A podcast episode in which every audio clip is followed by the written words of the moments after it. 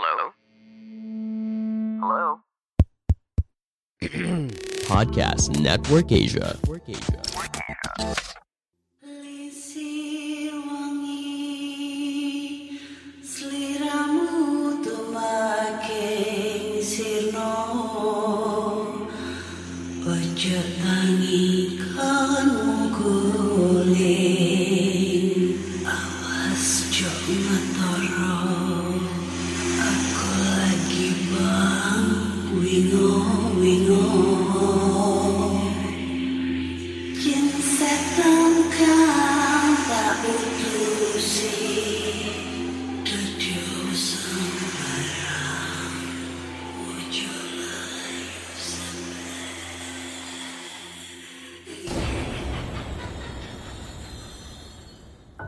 Rek, iya apa kabar? Ketemu lagi dengan aku si Ana di podcast kisah horor. Kita bertemu di episode 195 dan di episode kali ini akan membacakan cerita horor ataupun email berhantu yang sudah dikirimkan teman-teman melalui podcast kisah horor at gmail.com atau di Instagram podcast kisah horor serta Google Form yang lainnya tersedia di bio Instagram podcast kisah horor. Wow, tidak terasa ya. Podcast kisah horor ini udah berada di episode 195. Dan kurang 5 episode lagi PKH itu udah mencapai 200 episode. Nah, gua sampai bingung nih. Kita bikin apresiasi apa ya di episode 200 ini? Apakah kita, kita bikin kaos merchandise gitu, kaos-kaos PKH atau mungkin kita bikin giveaway apa gitu. Aduh, kalau giveaway duit itu agak sensi ya karena kemarin banyak banget tuh yang yang apa namanya pada antusias banget. Maksudnya pengen dimenangin tapi dia nggak nggak ini, nggak bikin rulesnya ya kan. Cuma yang bikin kan cuma satu orang itu. Waduh, mengapresiasi sekali nih itu buat siapa mas siapa kemarin tuh ya yang dapat giveaway gitu. Walaupun tidak seberapa, seenggaknya bisa ya bisa membahagiakan orang lah. Makanya kalau misalnya banyak kemarin tuh kemarin yang DM DM mana giveaway-nya? Mana nih gi- giveaway-nya? Gimana sih katanya ada giveaway? Lah, gimana gue mau bikin giveaway kalau kalian sendiri aja tidak berpartisipasi gitu loh, ya kan? Setidaknya untuk menghibur-menghibur kita semua gitu, mengapresiasi mungkin lebih kayak eh, ngikutin rulesnya apa. Kalau disuruh bikin cerita horor, ya udah bikin cerita horor kreasi kalian gitu ya. Yang sehoror mungkin yang nantinya bakalan dapat hadiah nih dari gue gitu kan. Kayak gitu-gitu guys. Nah, untuk rulesnya besok apa? Gue nggak tahu, masih dalam otak nih ya karena nggak tahu itu ya episode 200 tuh apakah pas di tanggal tua? Takut pas di tanggal tua cuy. Ya kan? Tanggal tua, tanggal keramat bagi kita semua. Tapi semoga kalian eh, semoga ya, semoga kalau dapat rezeki mungkin kita bikin giveaway yang lebih gede lagi memperingati 200 episode dan memasuki season ketiga gitu. Ya, ditunggu aja kabar baiknya. Makanya pantengin terus podcast kisah horor di platform podcast kesayangan kalian gitu. Oke. Kita lanjut bercerita-cerita horor nih, horor. Aduh agak bindeng ya, maaf ya karena pilek nih, nggak kunjung sembuh-sembuh, batuk, pilek dan lain-lain. Dan langsung aja kita bacain cerita yang datang dari email ya. Hmm, coba kita cek dulu cerita pertama ini. uh, waduh. Ini gimana nih ngebacainnya ya? Ini cerita dari si siapa sih namanya nih? Surya. Ini dia kirim-kirim email ya. Nulisnya nggak di kolom ini, kolom apa sih? Kolom pesannya, melainkan di subjeknya ya kan. Jadinya begini cuy, tidak jelas. Tidak tidak lanjut ceritanya. Ini sedikit aku bacain ceritanya dulu ya. Judulnya di belakang tangga. Assalamualaikum warahmatullahi wabarakatuh. Selamat malam Mbak Ana dan pendengar podcast cerita horor yang budiman. Hello, Nama saya Surya, hendak berbagi kisah mistik yang saya alami pada saat kuliah di Malang. Bla bla bla bla bla bla bla bla. Akhirnya kepotong sampai cahaya yang masuk M. Ember. Nih, gimana nih saya bacainnya ya? Ini ceritanya kepotong Mas Surya. Jadi minta tolong mungkin dikirim lagi ceritanya ya ke podcast kisah gmail.com. Ditulisnya di kolom pesan, jangan di subjeknya. Karena di subjek kalian tidak eh, tidak tuntas untuk mengirimkan cerita. Ya, Mas Surya, yuk kirim cerita lagi yuk. Pasti nanti dibacain ceritanya. Aduh, sayang banget nih. Oke next, ini cerita dari siapa ini? Waduh panjang ini ceritanya. Dari Mbak Ranti yang judulnya adalah penghuni kamar kos. Assalamualaikum. Waalaikumsalam. Hai Yana, namaku Ranti. Aku dari Bandung. Halo Bandung. Di sini aku mau ceritain pengalamanku tinggal di salah satu kosan yang pernah aku tinggalin dulu sewaktu masih kerja di salah satu mall di Bandung. Mana tuh? Kejadian ini udah terjadi lumayan lama sekitar tahun 2005. Wah, 2005 mbaknya udah kerja. Saya masih SMP. FBI, sebetulnya aku asli orang Bandung. Dan kenapa aku ngekos? Karena rumahku terlalu jauh dari mall tempat kerjaku. Kalau naik kendaraan umum harus tiga kali ganti angkot. Kosan ini aku dapat dari temanku yang pacarnya ngekos juga di situ. Kebetulan kosan itu kos campur, cewek dan cowok. Waktu mau sewa, ada dua kamar yang kosong. Kok serem. Ntar dulu ya, ini gue potong ya. Ini maaf maaf, maaf. gue potong dulu. Gue ngedenger kayak ada orang lempar-lempar. Pelan sih, pelan. Kayak ngelempar, pasir dilempar gitu. Tapi seketika kucing gue langsung kebangun cuy. Ini kucing gue langsung kayak nyamperin sumber suaranya sekarang. Tapi ngendap-ngendap. Kitten loh padahal ini. Waduh, kok takut ya? Wah, sekarang sudah jam 1 saudara-saudara, jam 1 malam. Wah, takut anjir. Oke lanjut lanjut ya, sorry sorry sorry. Nyampe mana tadi? Oke gue ulangin lagi ya, sorry banget kepotong tadi soalnya aduh kedengeran kayak ada suara ngelempar gitu. Oke, maaf gue ulangin lagi ya dari awal nih. Assalamualaikum, hai Ana, namaku Ranti. Aku dari Bandung. Di sini aku mau ceritain pengalamanku tinggal di salah satu kosan yang pernah aku tinggalin dulu sewaktu masih kerja di salah satu mall di Bandung. Kejadian ini udah terjadi lumayan lama sekitar tahun 2005. FBI, sebetulnya aku asli orang Bandung. Dan kenapa aku ngekos? Karena rumahku terlalu jauh dari mall tempat kerjaku. Kalau naik kendaraan umum harus tiga kali ganti angkot. Kosan ini aku dapat dari temanku yang pacarnya ngekos juga di situ. Kebetulan kosan itu kos campur, cewek dan cowok. Waktu mau sewa, ada dua kamar yang kosong.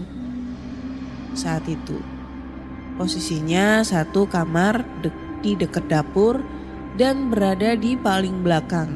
Sedangkan yang satu lagi berada di depan, kamar nomor tiga. Tetapi posisi pintu kamar itu tepat sekali berhadapan dengan pintu kamar mandi dan tangga ke lantai dua. Akhirnya saya memilih kamar nomor tiga ini untuk disewa. Karena waktu itu justru mikirnya lebih takut di kamar belakang. Soalnya jauh dari kamar-kamar yang lain. Seminggu tinggal di kamar itu masih belum ada kejanggalan. Masih nyaman-nyaman aja. Dan juga teman kos kosnya teh kosannya baik-baik. Tapi menginjak hari ke-8, baru ada sesuatu hal yang aneh. Waktu itu tepat jam setengah satu malam. Sehabis ngobrol-ngobrol dengan teman kosan dan sampai lupa waktu. Aku baru keinget bahwa besok harus masuk kerja pagi-pagi dan akhirnya pamit masuk kamar untuk tidur. Pas masuk kamar, ternyata malah susah buat tidur.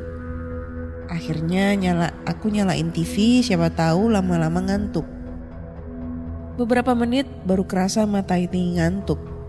Terus kumatikan TV. Pas aku menjapin, menjamin mata, aku ngerasa di telingaku mendengar seperti ada orang yang ribut ngobrol. Tapi bahasanya gak jelas. Tepatnya seperti bergumam, tapi banyak sekali orang. Aku belum berpikir aneh-aneh. Mungkin perasaan aja, tapi malah jadi gak bisa tidur lagi. Terus aku nyalain TV lagi, siapa tahu jadi ngantuk lagi. Setelah aku rasa ngantuk lagi, aku matiin lagi tuh TV-nya. Dan coba lagi menjamin mata. Tapi hal yang sama terjadi lagi. Di kuping itu kerasanya berisik sekali. Seperti suasananya ada di kerumunan orang yang lagi bergumam. Dan akhirnya aku coba nyalain lampu karena memang sebelumnya pas masuk kamar gak dinyalain. Aku coba tidur dengan keadaan lampu menyala. Dan hal itu masih saja terjadi hingga akhirnya aku ngerasa kesel sendiri. Dengan nada marah, aku gebrak meja kecil di kamar sambil bicara. Aku bilang, tolong ya, saya nggak pernah mengganggu. Kalau memang kalian ada di sini, jangan ganggu saya. Eh, gimana sih? Oh, kalau kalian memang ada di sini dan saya pernah buat salah, saya minta maaf. Tapi tolong, jangan ganggu saya dan jangan berisik. Saya mau tidur, besok saya kerja pagi. Dan percaya atau tidak, akhirnya pas aku coba tidur lagi, suara itu hilang. Suasananya akhirnya sunyi. Lalu ada satu kejadian lagi. Waktu itu kebetulan aku dapat lembur tiga hari berturut-turut. Karena lawan shift kerjaku lagi sakit. Dan pas hari keempatnya, aku kebagian masuk pagi dan pulang sampai kosan sekitar jam 5 sore. Saat itu badanku rasanya capek banget dan rasanya ngantuk banget. Sampai kamar, aku langsung tiduran di kasur dengan keadaan telungkup, meluk bantal tanpa ganti baju karena memang capek banget. Aku ketiduran, padahal kan katanya Pak Mali ya tidur menjelang maghrib. FBI, posisi kasur itu tepat berhadapan sama pintu kamar. Dan saat itu pintu tidak tertutup rapat, adalah celah eh tidak tertutup rapat, ada celah sekitar 1 cm. Kira-kira satu jari telunjuk. Tapi pintu kamar itu agak berat dan kalau dibuka pasti ada suara pintu bergesek sama ubin lantai. Lanjut ke cerita, saat aku ketiduran itu, tiba-tiba, plak, ada sesuatu yang nge ngegeplak betis aku sampai kerasa panas. Otomatis aku langsung bangun karena kaget dan lihat ke arah kaki aku.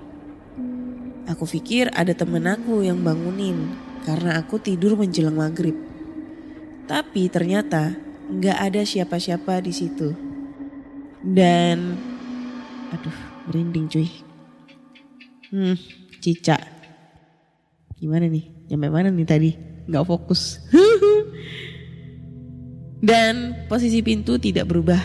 Bahkan kunci yang menggantung di pintu juga nggak goyang-goyang.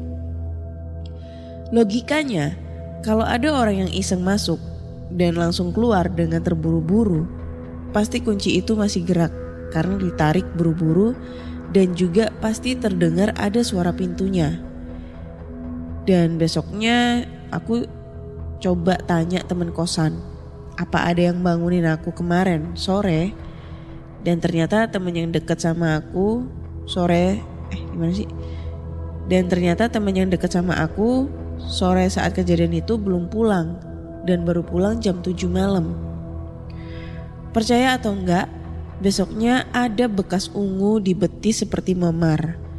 Padahal waktu keti- ketiduran itu aku masih pakai celana jeans tebal. Kalau mungkin sudah difotokan. Eh salah sih. Kalau aja tahun segitu udah punya HP dengan kamera mungkin sudah difotokan. Aduh gak fokus gue. Ya segitu aja cerita yang aku mau bagiin sama teman-teman PKH dan juga Ana. Sebetulnya masih ada cerita yang aku alamin selain di kos itu. Tapi kayaknya bakal terlalu panjang. Mungkin lain waktu. Maaf kalau kurang serem ceritanya. Oh iya, setelah kejadian di keplak itu, akhirnya aku coba pindah kamar ke sebelahnya, kamar nomor 2. Karena kebetulan yang ngekos di kamar nomor 2 itu pindah ke kosan yang lebih deket sama tempat kerjanya. Dan alhamdulillah nggak pernah ada gangguan apa-apa di kamar itu.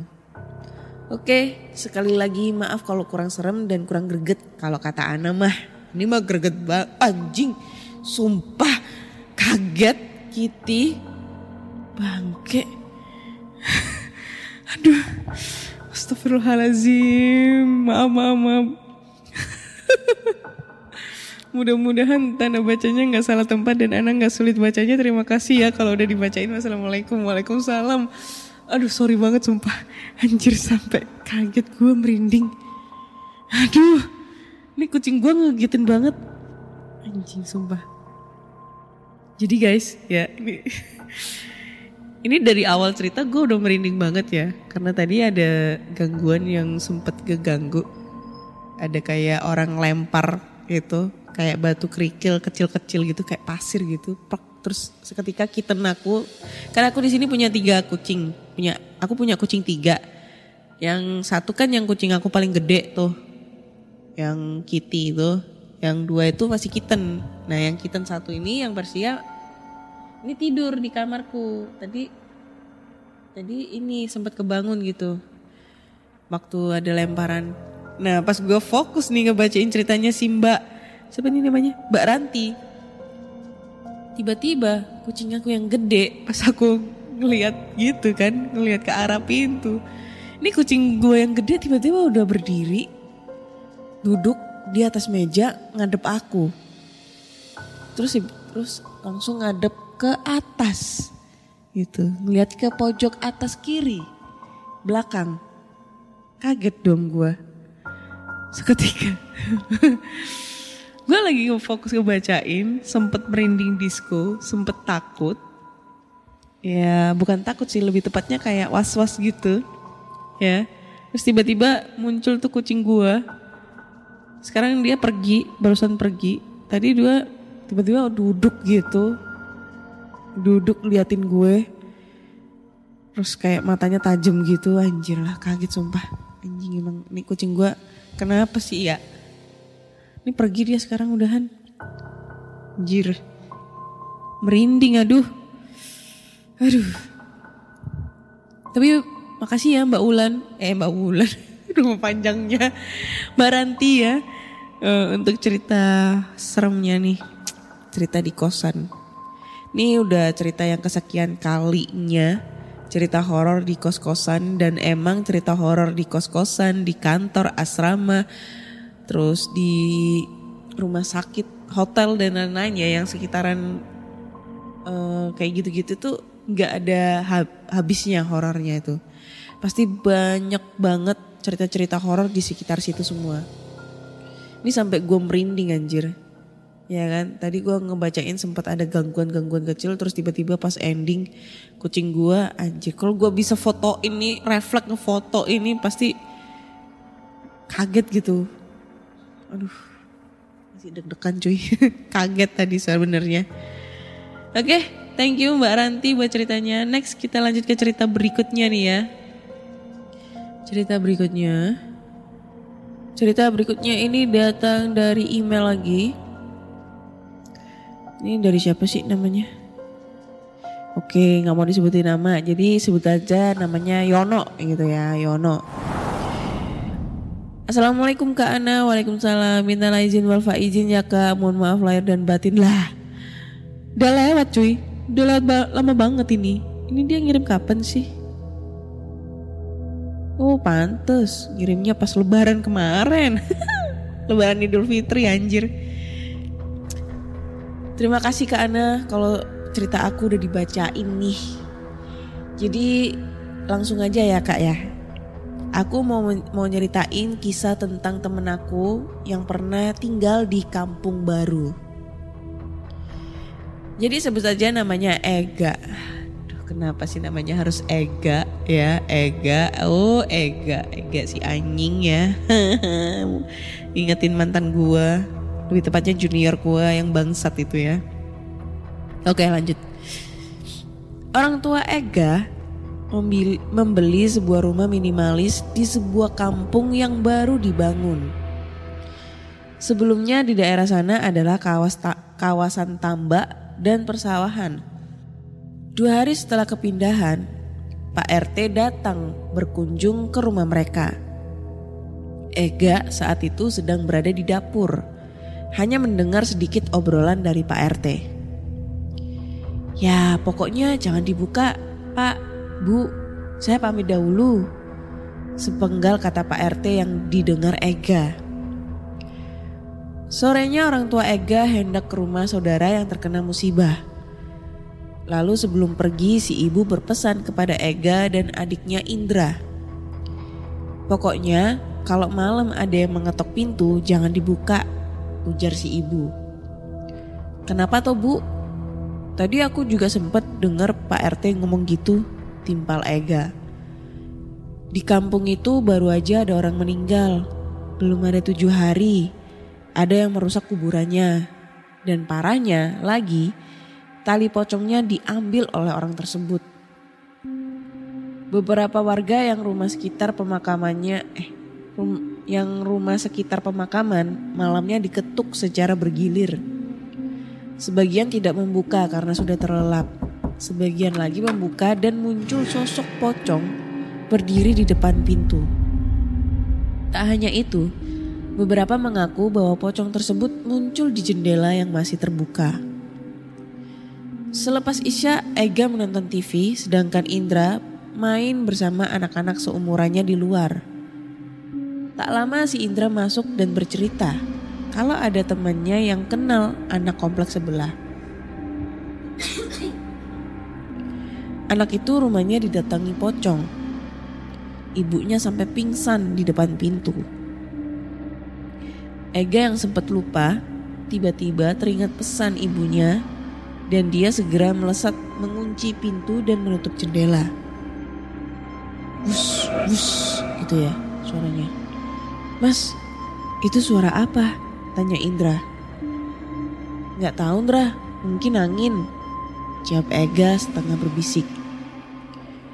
Malam semakin larut. Indra sudah tertidur nyenyak. Ega masih mengerjakan PR.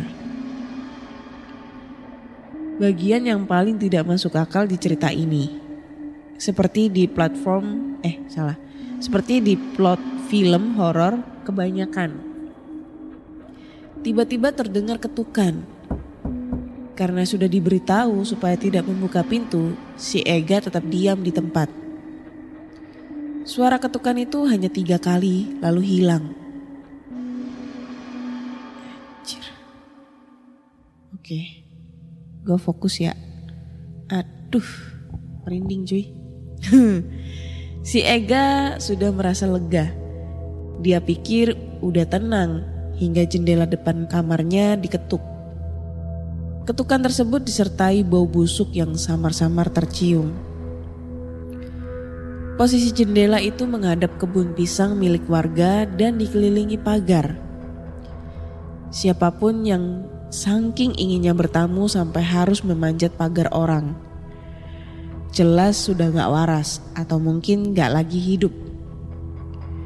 Kembalikan, kembalikan taliku.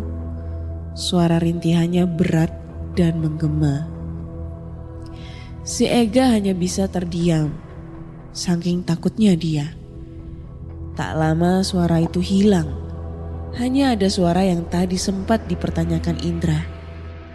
Ega baru sadar jendela loteng belum ditutup.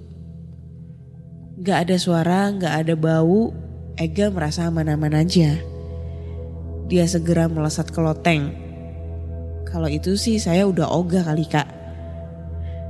Saat di sana benar saja jendelanya terbuka. Ega mendekati jendela itu dan pas dia hendak meraih handle-nya, bau busuk tercium. Pocong itu sudah di depan wajahnya. Dia tersentak dan jatuh ke lantai. Sembari menahan sakit, dia coba kembali mengintip jendela. Pocong itu pun sudah tidak ada di sana, dan baunya juga lenyap. Ega segera menutup jendela dan turun ke lantai bawah. Pas dia menuruni tangga, lampu mendadak padam. Ega terkejut, apalagi tiba-tiba bau busuk semerbak tercium. Dia yakin satu hal, pocong itu sudah di dalam. Ega bercingkrak-cingkrak, berusaha tidak menghasilkan suara apa pun. Saat melewati kamarnya, kamar dengan jendela yang diketuk tadi, Ega melihat pemandangan tak biasa. Si Indra tidur dengan memeluk pocong tersebut. Ega sempat mematung di sana sampai kepala si pocong menoleh ke arahnya. Kembalikan, kembalikan, rintih pocong tersebut. Ega segera tancap gas ke ruang depan, diputarnya knop pintu, Berkali-kali pintu tak bisa terbuka, seperti ditahan sesuatu. Baru sadar akhirnya kalau kalau tadi pintunya dia kunci sendiri. Setelah itu si Ega berteriak minta tolong. Namun karena jarangnya bangunan, suaranya ditelan gelap malam. Ega menyusuri jalan setapak. Lalu ada cahaya dari samping Malam itu Ega hampir saja ditabrak motor karena menyeberang jalan sembarangan. Orang itu turun sambil marah-marah. Di belakangnya terdapat senapan angin. Ega pun meminta maaf. Lalu dia cerita ke orang itu kalau rumahnya diinvasi pocong. Entah apa motivasi orang tersebut, dia malah membantu Ega memeriksa rumahnya. Belum sempat orang itu masuk, pocong itu muncul dan terbang ke atap rumah tetangga Ega.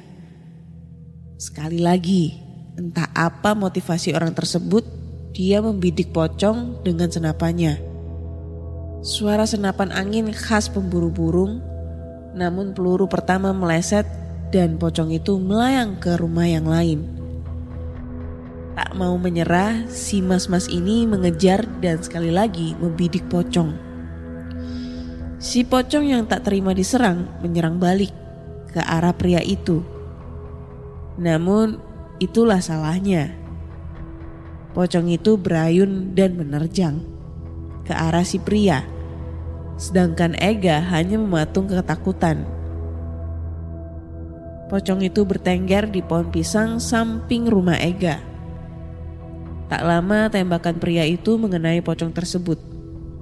Asap putih mengepul dan terdapat bau benda terbakar. Si pria memanjat pagar dan mencari sesuatu.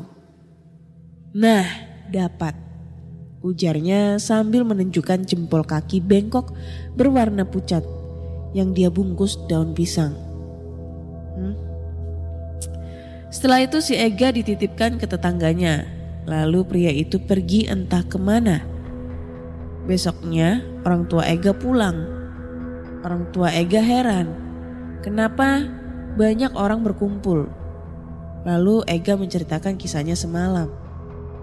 Alhamdulillah ya, sudah berakhir teror kampung ini, ujar salah satu tetangga Ega. Sayangnya belum, Bu. Teror ini hanya sebagian. Gang kita ini hanya menunggu gilirannya saja dan teror di kampung baru ini dari teror di kampung baru ini. Jawab seorang bapak yang terlihat lumayan sepuh. Sekian. Oke. Oke. Ceritanya sangat membagongkan ya. Kayak film anjir. Ngegantung. Tidak ada endingnya. Endingnya cuma begitu doang. Si mas-masnya ini nembak si pocong. Jedar. Pertama tidak terkena saudara-saudara. Tembakan kedua lagi jedar. Tidak terkena saudara-saudara. Si pocong sangat emosi, tersulut emosinya. Si pocong lalu menendang si mas-mas. Si mas-mas ini tersungkur. Lalu si mas-mas ini dengan antusias menembak itu pocong lagi. Jedar. Akhirnya si pocong tertembak dan berubah menjadi asap kepul. Kemudian si mas-mas ini begitu senangnya menghampiri sosok pocong yang menghilang itu dan menemukan jempol bengkok berwarna putih. Apa itu tandanya saudara-saudara? Saya tidak tahu ya. hmm. Aduh. Gue nggak tahu ya. Gue takut dihujat lagi sama netizen-netizen sama pendengar podcast kisah horor ya. Nanti kalau gue cerita halu nih maksudnya nanti kalau gue bilang ini cerita halu gue dihujat nih. Ya kan? Tapi kalau gue cerit bilang ini ceritanya kayaknya fiktif gue nggak tahu bakal dihujat apa enggak karena ini ceritanya dia dapat ceritanya dari temennya yang namanya si Ega. Si Ega menceritakan nih pengalamannya. Tapi pengalamannya menurut aku tuh kayak janggal banget. Kayak kayak kayak film-film zaman-zaman Susana gitu ya. Yang aduh sumpah kayak kayak tidak bisa dipikir dengan nalar gitu ya. Nggak bisa dinalar ini kayak gimana gitu kejadiannya. Horornya kayak gimana. Bener nih kata masnya. Dia kayak sebenarnya juga nggak percaya dengan ini cerita. Kayak sebu- sebuah plot twist di film gitu. Tapi ya nggak tahu lagi sih kita nggak tahu ya. Menurut kalian nih ini ceritanya itu real atau cuma kayak rekayasa aja? Kayak seakan-akan dibikin gempar gitu kayak berasa kayak film-film atau kayak gimana? Ini kalau misalnya di filmin sih bagus sih cuma endingnya ini ngegantung. Gimana tuh endingnya? Gue nggak tahu. Apakah si mas-masnya ini dapat pesugihan gitu dapat duit dapat ilmu? Apa si kampung baru ini bakal diteror terus-terusan yang tadinya mencari tali pocong sekarang bilang kembalikan jempol bengkokku. Kembalikan jempol bengkokku. Kayak gitu-gitu. Gue nggak tahu. Ya kan? Mungkin ada kelanjutan ceritanya kali ya dari si masnya. Kita nggak tahu cuy. Kita tunggu aja gitu ya. Kayaknya cukup sekian dulu di episode 195 ini. Jujur gue ini masih merinding merinding disco gue udah nggak gue sebenarnya nggak merinding. Cuma gue agak kayak was was gitu takut gitu sebenarnya ini ya. Karena banyak banget gangguan-gangguan. Entah gue halu nih entah gue halu atau nggak tahu kenapa. Tapi yang buat gue bikin kaget itu tadi posisi kucing gue nih kucing gue yang paling gede tiba-tiba muncul di apa namanya di atas me, di atas meja duduk di atas meja. Nggak kedengar di nggak kedengeran dia masuk atau nggak kedengeran dia tiba-tiba loncat di meja itu nggak kedengeran. Biasanya tuh kedengeran kalau dia naik ke meja itu kedengeran kayak orang kayak kucing naik gitu. Pluk gitu. Ini nggak kedengeran sama sekali gitu tiba-tiba naik di situ cuy. Nggak sadar juga kalau ada kucing naik gitu padahal jarak meja sama jarak pandang gua sekitar berapa senti gitu loh. Ada sekitar 40 senti gitu gitu deh kayaknya. Merinding cuy Oke deh, kayaknya cukup sekian dulu di episode 195 ini. So, buat teman-teman semua kalau kalian punya cerita horor nih ya, kalian langsung aja kirim cerita kalian ke podcast kisah horor at gmail.com atau di Instagram podcast kisah horor serta Google Form yang lainnya tersedia di bio Instagram podcast kisah horor. Jangan lupa dengerin podcast kisah horor di Spotify, Google Podcast, Apple Podcast serta di Noise.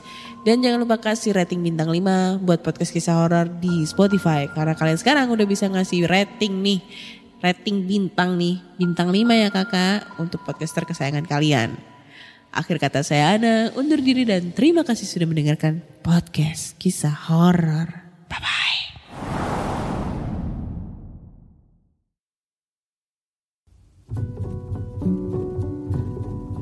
Pandangan dan opini yang disampaikan oleh kreator podcast, host, dan tamu tidak mencerminkan kebijakan resmi dan bagian dari podcast Network Asia. Setiap konten yang disampaikan mereka di dalam podcast adalah opini mereka sendiri dan tidak bermaksud untuk merugikan agama, grup etnik, perkumpulan, organisasi, perusahaan, perorangan, atau siapa pun dan apa pun.